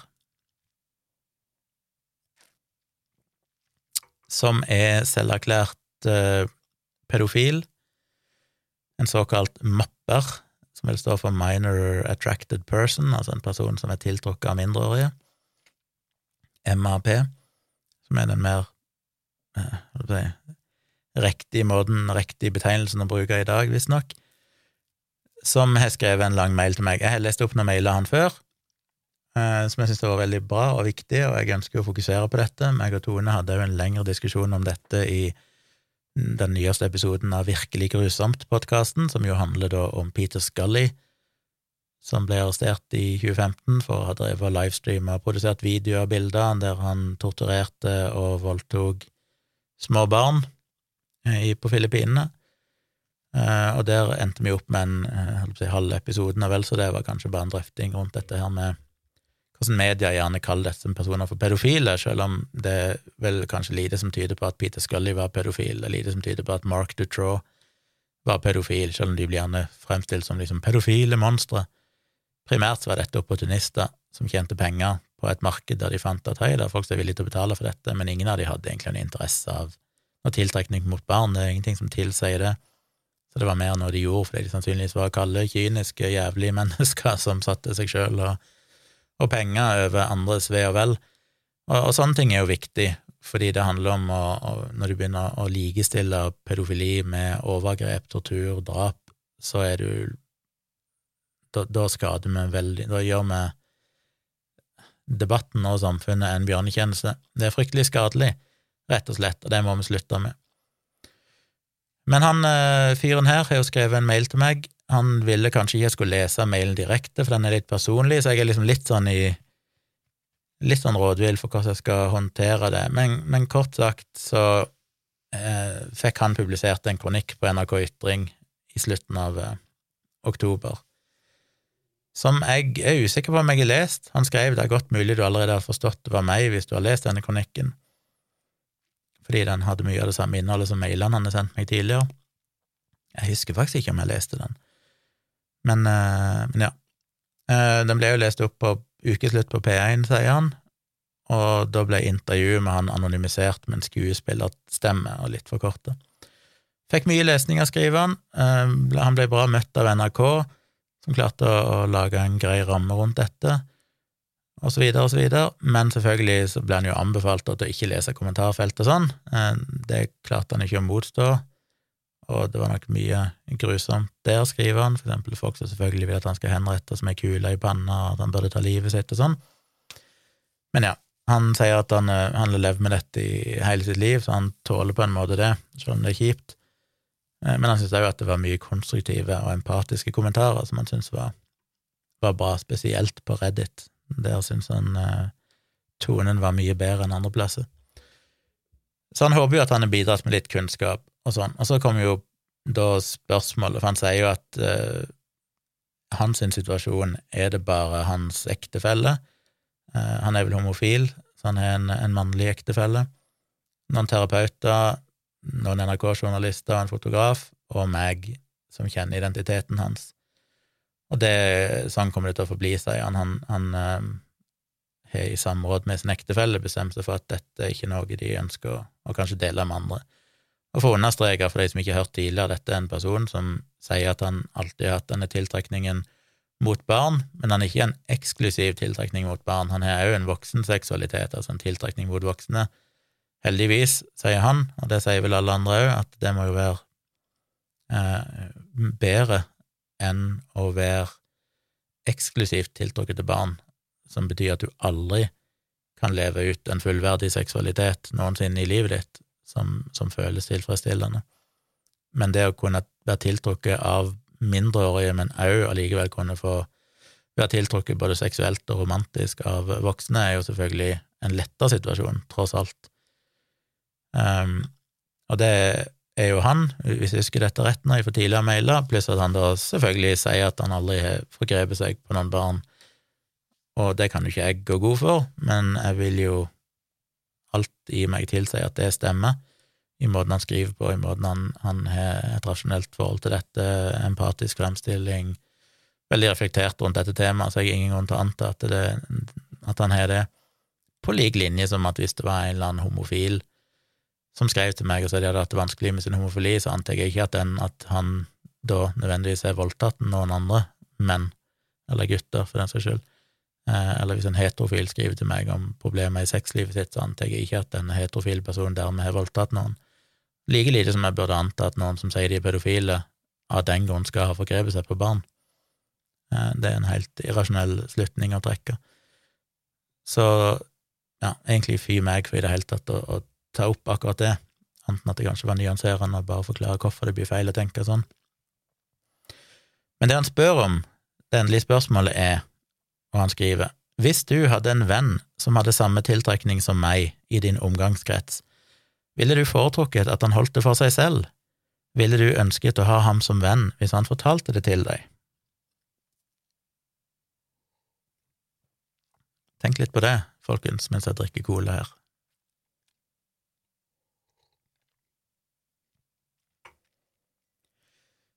Uh, mitt svar er jo definitivt ja.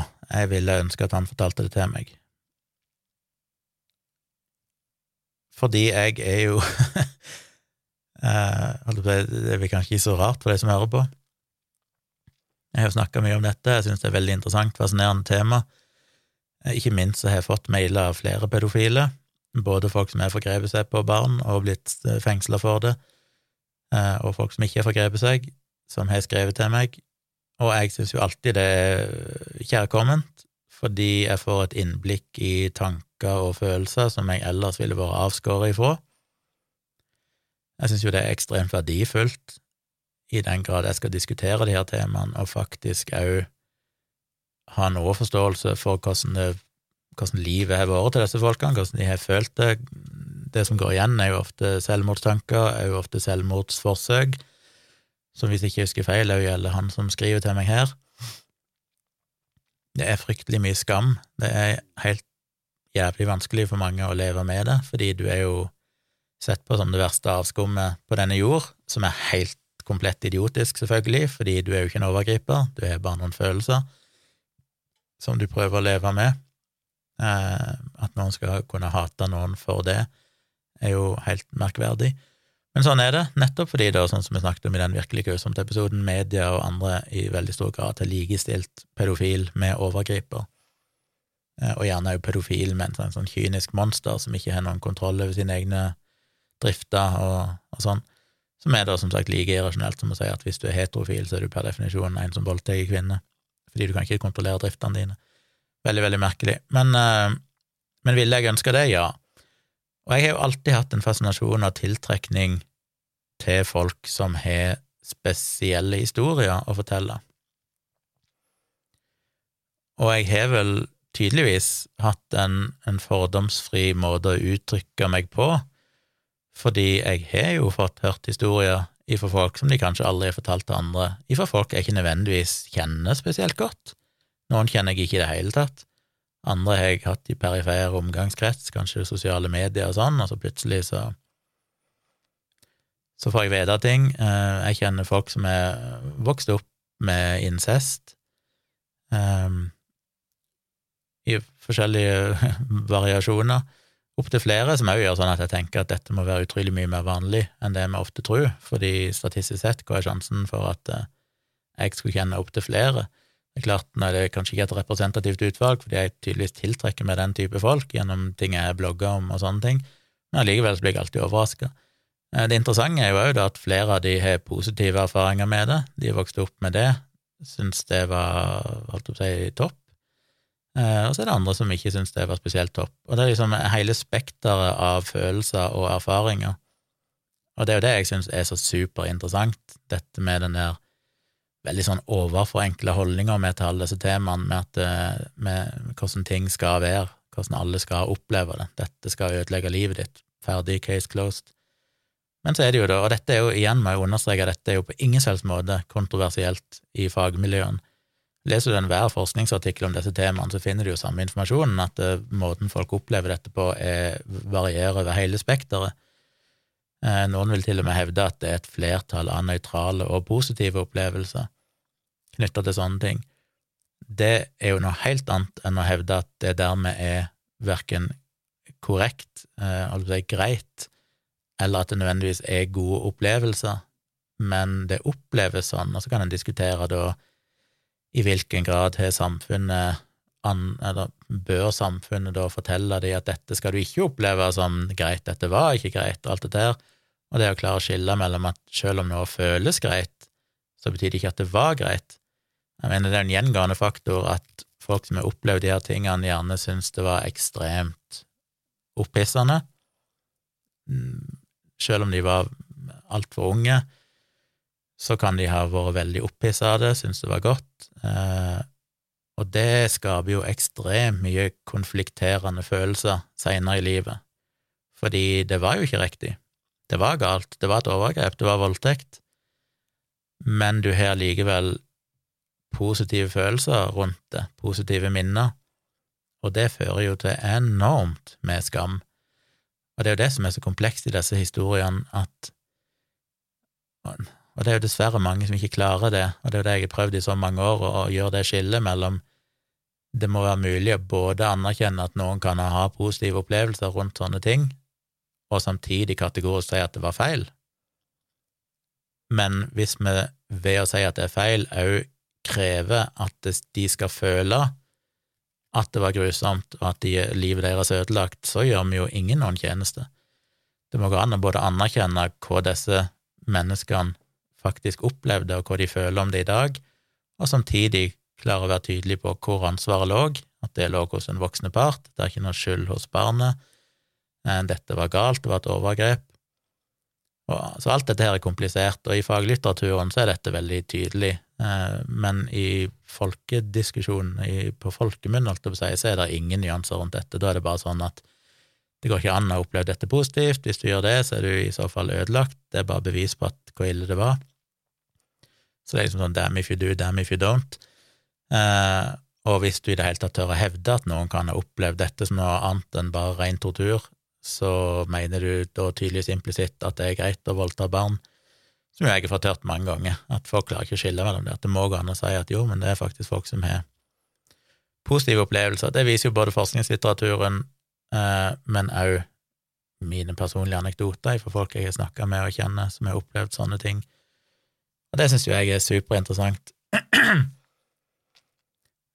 Ja, så jeg er veldig opptatt av å bli kjent med folk. Jeg har ingen fordommer. Jeg kjenner flere sexarbeidere, jeg kjenner folk eh, som har vært involvert i alt mulig rare ting, og jeg syns det gjør folk mer interessante. Det er jo på en måte min last her i livet, føler jeg, at hvis jeg ender opp med å date noen, så er det jo overveiende sannsynlig at de har minst tre ganske tunge diagnoser, eller de har vokst opp med incest, eller de har Altså, det, det, er et eller annet som jeg alltid som, Uten at jeg vet dette på forhånd, så bare merker jeg at dette er folk jeg kan snakke med. Dette er jo folk som har et slags realistisk, nyansert syn på verden og livet, uten fordommer. Og så når jeg da blir mer kjent med dem, så finner jeg ut hvorfor. Jo, fordi de faktisk de har litt bagasje. Folk med bagasje er jo så mye mer interessante, givende mennesker, syns jeg, og jeg har jo egentlig aldri endt opp med å bli Jeg tror knapt det er noen ja, Det er noen få unntak av spesielle årsaker, da, i så fall, i min omgangskrets. Eh, nei, omgangskrets er feil, det gjelder ikke så mye mannlige, men av damer som jeg har hatt noe interesse for, så er det vel nesten sånn, mm, ja, sikkert 90% iallfall, er jo folk som eh, er litt spesielle på den måten. Det er ytterst få jeg har holdt kontakt med over lengre tid, som er av typen eh, Vokste opp i et lykkelig hjem, eh, tok seg en master, har i dag en, en, lederstilling i et eller annet selskap og tre barn og hytte på fjellet. Det er sånn Det er ganske uinteressant for meg. Jeg har ingenting å snakke med deg om. Absolutt ingenting. Nei, hva skal jeg snakke med deg om? Været? Det er liksom Nei, jeg vil snakke om eh, hvordan eh, Ja, hva du har opplevd i livet, dine verste traumer. Det finner jeg interessant. Og derfor så har og fordi jeg holdt på både er diskré og ikke forteller andre om det, eh, og fordi jeg ikke er fordomsfull, og fordi jeg er nysgjerrig, fordi jeg er villig til å snakke om det uten at jeg på noen selvs måte prøver å offerliggjøre de heller. Det er ikke sånn 'Å, stakkar, lille, alt det fæle du har opplevd', men ser på de som mennesker med en historie og ønsker å diskutere det med de og liksom gå gjennom hva dette er, så har mange åpna seg til meg og det syns jeg er, det er jeg veldig takknemlig for, og syns er veldig bra. Så det er jo svaret mitt på spørsmålet her til han som skriver mailen, at ja, hvis jeg har noen i min omgangskrets som er pedofil eller har tiltrekning mot mindreårige, hvis de trenger å snakke med noen og fortelle det til noen, så for all del, jeg kommer ikke til å se på deg som et mindreverdig menneske, jeg kommer ikke til å endre mitt synspunkt på deg. Um, mest sannsynlig kommer jeg til å se på deg som en mer interessant person, en mer interessant venn, mer verdifull venn. Så det vil jeg absolutt. Så kan jo dere som hører på, tenke litt over hvordan dere hadde reagert hvis dere hadde en nær venn, og den vennen kom og fortalte deg en dag at i all fortrolighet at du, jeg har egentlig et, ja, jeg har seksuell tiltrekning eh, mot barn, ville det gjøre at du ville ha vanskelig for å være med den personen? Vil du ha vanskelig for å slippe denne personen i nærheten av dine barn? Um, vil det være problematisk på andre måter? Det er verdt å tenke over. Jeg håper jo at eh, folk i stor grad lar tvilen komme folk til gode. Husk på at det å ha en tiltrekning mot barn ikke betyr at du er en overgriper. Eh, den felles faktoren i hvem som ender opp med å forgripe seg på barn, er jo ikke om du er pedofil eller ikke, men det er jo i større grad om du er en narsissistisk sosiopat eller ikke. Eh, jeg ville jo vært mer redd for det. Så ja, jeg vil absolutt vite det. Så ja, hvis det er flere som har lyst til å sende meg mail og fortelle om, om sånne ting, så er dere velkommen til det. Dere, hvis dere vil jeg skal snakke om det i en podkast, så er dere selvfølgelig helt anonyme og alt dette her. Jeg syns alltid det er veldig spennende og interessant, og jeg lærer veldig mye av det. Jeg føler jeg er blitt et mye eh, Ja, mye Jeg holdt på å si bedre menneske, men mye mer eh, Iallfall opplyst eh, Hva heter det? Jeg har en bredere forståelse, iallfall, av mennesker, og jeg tror nok det er et mindretall, kanskje, som i det hele tatt har snakka med folk med den type opplevelser. Og Det syns jeg er trist, og det leder meg jo over til neste spørsmålet som han kommer med, og det er at eh, eh Så hvilken rolle synes du mappere, altså folk da med tiltrekning mot barn, bør ha kan slike som meg bidra til noe konstruktivt, eller bør vi holde oss til terapirommene og heller la terapeutene snakke for oss? Og jeg vil jo definitivt si eh, jeg syns eh, folk som han som skriver mailen til meg, som har skrevet kronikk på NRK, jeg vet det er andre opp gjennom tidene som har skrevet kronikker i aviser, nå vet ikke jeg om han har skrevet det noen av de òg tidligere, men, eller om det er flere, men jeg vil anta det er flere det er flere som har stått fram opp gjennom tidene i TV-programmer, forskjellig anonymisert versjon, og fortalt om dette, og det tror jeg har gjort veldig mye. Jeg har jo et håp om at det jeg har skrevet, har påvirka folk. Jeg liker av og til å tro det, for jeg vet det at etter den enorme stormen for en del år tilbake med Trude Helen Hole og Nettavisen, og for de som husker det, der det plutselig ble en sånn enorm debatt, og det endte opp med noen rettssak og greier om, omkring det jeg hadde skrevet om, om, pedofili og barneporno. Selv om det var en ekstremt vanskelig periode, der jeg følte at liksom store deler av verden trodde jeg var crazy, folk misrepresenterte meningene og holdningene mine så til de grader, og det, altså så, det er jo noe av det verste som finnes, det er når folk mener at du har sagt noe, eller tror du mener noe som du overhodet ikke mener. Og så er, du, er det nesten umulig å forsvare seg fordi de har bestemt seg for det, så alt du sier, blir bare tolka i kontekst av at du er en forferdelig person. Og det i tillegg kommer på forsida av Nettavisen og, og, flere aviser, og det blir en sånn enorm diskusjon om det, der du føler at shit, her er det en diskusjon om jeg liksom mener at barn skal bli utsatt for voldtekt, om jeg syns det er greit. Det er sånn, dette er jo helt absurd. Hvorfor er dette en diskusjon? Hvorfor er det noen som tror det? Og det var vanskelig. Og det varte ei stund, og jeg skrev, må jo sikkert skrevet si, titusenvis av kommentarer rundt forbi i diskusjoner med folk. Eh, men jeg må jo virkelig si at det er en sånn før og etter det i mitt hode. For før det så var det diskusjoner de omtrent ikke kunne ha. Etter det så var det plutselig en helt annen tone. Jeg opplevde i så mye større grad at folk nå har en sånn mer nyansert holdning til de temaene. Eh, par, noen få år etterpå så kom jo denne her serien Innafor på NRK, og vel òg hadde en episode om, om, pedofile som jeg aldri har sett. Merkelig nok, jeg bare tror ikke jeg orka å se den, for det var litt sånn dette har jeg skrevet så mye om og diskutert så mye at jeg ikke orker å forholde meg til hvordan NRK velger å behandle det temaet. Men eh, Men det, og så hadde vel Aftenposten noe greie, og nå har jo NRK denne greia. Det det er liksom bare sånne ting som er kommet, og jeg tror alt det i sum har gjort at folk har fått opp øynene litt mer for hva dette faktisk handler om, at dette er mennesker med en skjebne. Selvfølgelig er vi en lang vei å gå, det merker jo i den overgrepsregisterdebatten vi hadde på Universitetet i Oslo her for noen uker siden med Per-Willy Amundsen og han Aron Jansen, nabovarsleren og sånn, som jeg var med i.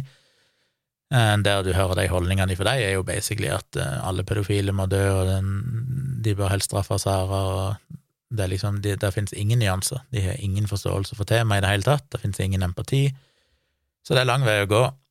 Men vi er kommet et stykke, og jeg tror definitivt at folk som jeg skjønner at det er vanskelig, jeg skjønner at det er dritskummelt. Jeg mener, hvis jeg hadde vært pedofil, sjøl det å skrive en, en, en uh, anonymisert kronikk, hadde jeg jo vært livredd for at hey, shit, er det noen som kommer til å gjenkjenne meg, skjønne hvem jeg er, hvilke konsekvenser vil det ha? Så jeg må jo si det er dødsmodig, men ekstremt prisverdig at en står fram, og jeg tror det er veldig, veldig viktig. Skulle selvfølgelig ønske innerst inne da, at det var noen som var tøffe nok til å oppleve disse tingene og stå fram med fullt navn, ikke bare pedofile, men òg folk som har opplevd overgrep, og ikke nødvendigvis hadde den der klassiske eh, opplevelsen av det, folk som har levd med incest, som har hatt eh, helt andre opplevelser og erfaringer enn det folk flest knytter det til, at vi fikk en mye bredere diskusjon om de her temaene. Fordi i dag så får vi jo kun høre tragedien, eh, og det gjør jo at vi ikke klarer å håndtere de problemene på riktig måte. Fordi skal vi kunne gjøre noe med de tingene, skal vi kunne opplyse, og jeg tror jo opplysning er den viktigste beskyttelsen vi kan ha for at folk skal bli utsatt for sånne ting, eller mot at folk skal bli utsatt for sånt. Det er kunnskap, det er forståelse for psykologien i det, eh, ting i livene til folk som gjør at disse tingene skjer, alt det der. Det får vi jo en veldig liten diskusjon om, for vi får bare høre om de mest groteske tilfellene, som ender opp med straff og alt det der, og ødelagte liv, gjerne. Eh, og jeg vet jeg hater å bruke det ordet ødelagt liv, men eh, folk iallfall som har blitt sterkt traumatisert. Og det gjør jo at vi bare får se en bitte liten flik av problemet. Vi får se de som er så ille at det ender opp i rettsvesenet til slutt, at det blir oppdaga. Og så er jo spørsmålet, men hva med alle de andre?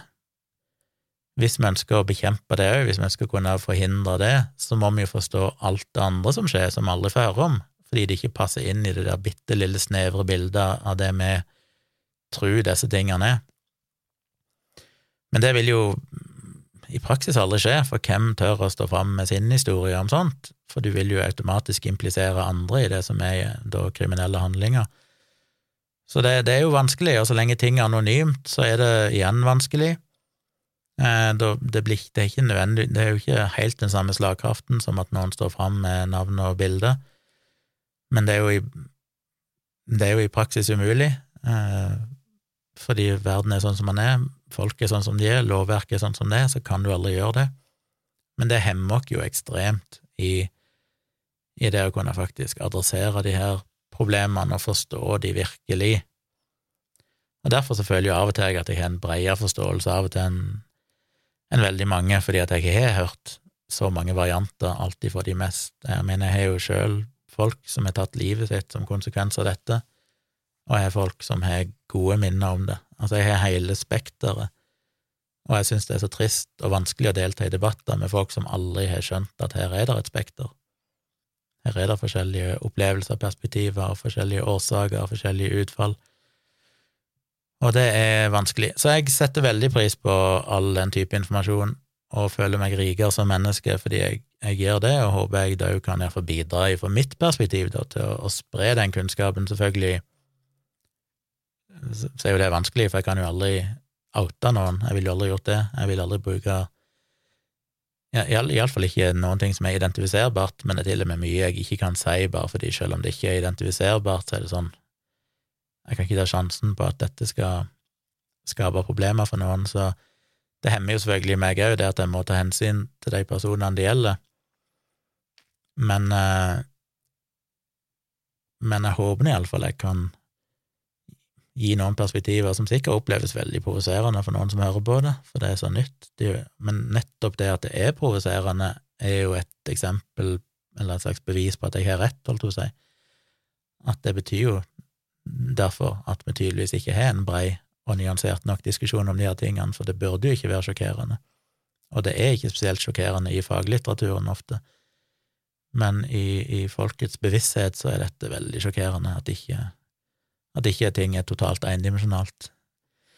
Så jeg setter pris på folk som står fram, så jeg mener definitivt, som svar på spørsmålet, at uh, som en mapp er, så verdsetter jeg veldig og tror det er veldig viktig at folk tør, så langt de har mulighet, uh, til å være aktivister, holdt jeg på å si, i å spre kunnskap om disse tingene. Fordi det har to konsekvenser. Det har en konsekvens at det gjør livet bedre for de andre som sliter med de samme, samme skammen, samme greiene. Eh, og ikke minst så tror jo jeg da hardt og fullt at det òg bidrar til å beskytte de mest sårbare, eh, som jo det som er målet for alle. Fordi det å forstå, det å ha kunnskap, er til syvende og sist det som gjør at vi kan bekjempe de her problemene. det å prøve å løse det på Frp sitt vis, med strengere straffer, mer overvåking og alt dette her, vet vi jo fun ikke funker. Og ikke bare funker det ikke, det gjør jo sannsynligvis ting verre. Vi trenger empati, vi trenger forståelse, vi trenger kunnskap, og vi trenger å se alle som mennesker. Uansett både hva de har gjort, og hva de har opplevd og vært utsatt for. Så det er svaret mitt, og det, det er bare å kjøre på dere som kan, og dere som tør. Og hvis jeg kan bidra til det, så er det bare å ta kontakt med meg, så vil jeg gjerne lytte. Da skal jeg avslutte. Halvannen time ble det. Jeg håper det var en interessant episode i dag òg. Som vanlig så håper jeg dere deler episoden, tips andre om podkasten hvis dere syns det var verdt å høre på. Gi meg noen hyggelige stjerner inne på Apple Podkast. Koster dere bare et par minutter. Betyr veldig mye for algoritmene og spredning av podkasten. Hvis du kan, går det an å rate podkaster i Spotify, det vet jeg ikke, men hvis du kan det, og hører i Spotify, gå gjerne inn og rate meg der òg. Eller andre plasser. Følg meg på Facebook, jeg har ei side der som heter Saksynt. Jeg er på Twitter som Civix, C-I-V-I-X. Jeg er òg på Instagram som Civix, C-I-V-I-X. Og der har jeg jo òg en fotokonto som heter Tjomli foto i ett ord, der jeg legger ut litt av bildene mine du kan se bildene mine på foto.tjomli.com, der ligger porteføljen min, med både bryllupsbilder og portretter og litt boudoirbilder og masse restaurant- og matfoto, litt landskap, litt arkitektur, alt mulig. Og igjen, hvis du ønsker å booke meg til fotografering, så er det jo bare å ta kontakt på forskjellige måter. Jeg har jo blant annet en mailadresse som heter tompratpodkast at gmail.com, der du kan sende meg eh, alt ifra dine mest intime betroelser til spørsmål og tips og korreksjoner hvis jeg har sagt noe feil. Altså tompratpodkast at gmail.com, podkast med C, da. Ellers er jeg kontaktskjema på bloggen min, som er tjomli.com, kan bruke kontaktskjema der. Jeg er kontaktskjema på fotosida mi, foto.tjomli.com, kan bruke den. Ja. Folk sender meg jo meldinger på Instagram og Twitter og overalt. Eh, Igjen, jeg foretrekker å få de på mail, så aller helst send meg mail. Det er det beste. Da skal jeg runde av. Takke for at du hørte på denne lange episoden. Håper den var nyttig på noe vis. Og så, eh, hvis du syns det er verdt at jeg fortsetter med de her tingene, så kan du jo støtte meg enten på patrion.com slash tjomli, eller du kan registrere deg på kritisketenkere.no og bli for eksempel VIP-medlem som da bidrar til at du støtter meg økonomisk hver måned med noen kroner. Det betyr veldig mye for alt jeg driver med, for det tar mye tid å gjøre både podkast og livestream og blogging og alt dette her, så alt det dere vil støtte meg med, setter jeg pris på, hvis dere syns det er viktig med den folkeopplysningen jeg håper og tror jeg kan drive med. Så det, det håper jeg dere gjør, og takker til alle som gjør det allerede. Ja, da skal jeg slutte å rante. Vi høres igjen eh, på fredag med en ny episode, og bli gjerne med på livestreamen tirsdag kveld som vanlig klokka elleve inne på Tvilsomt med Tjomli på YouTube. Håper vi ses der, der kan vi prate videre. Vi snakkes.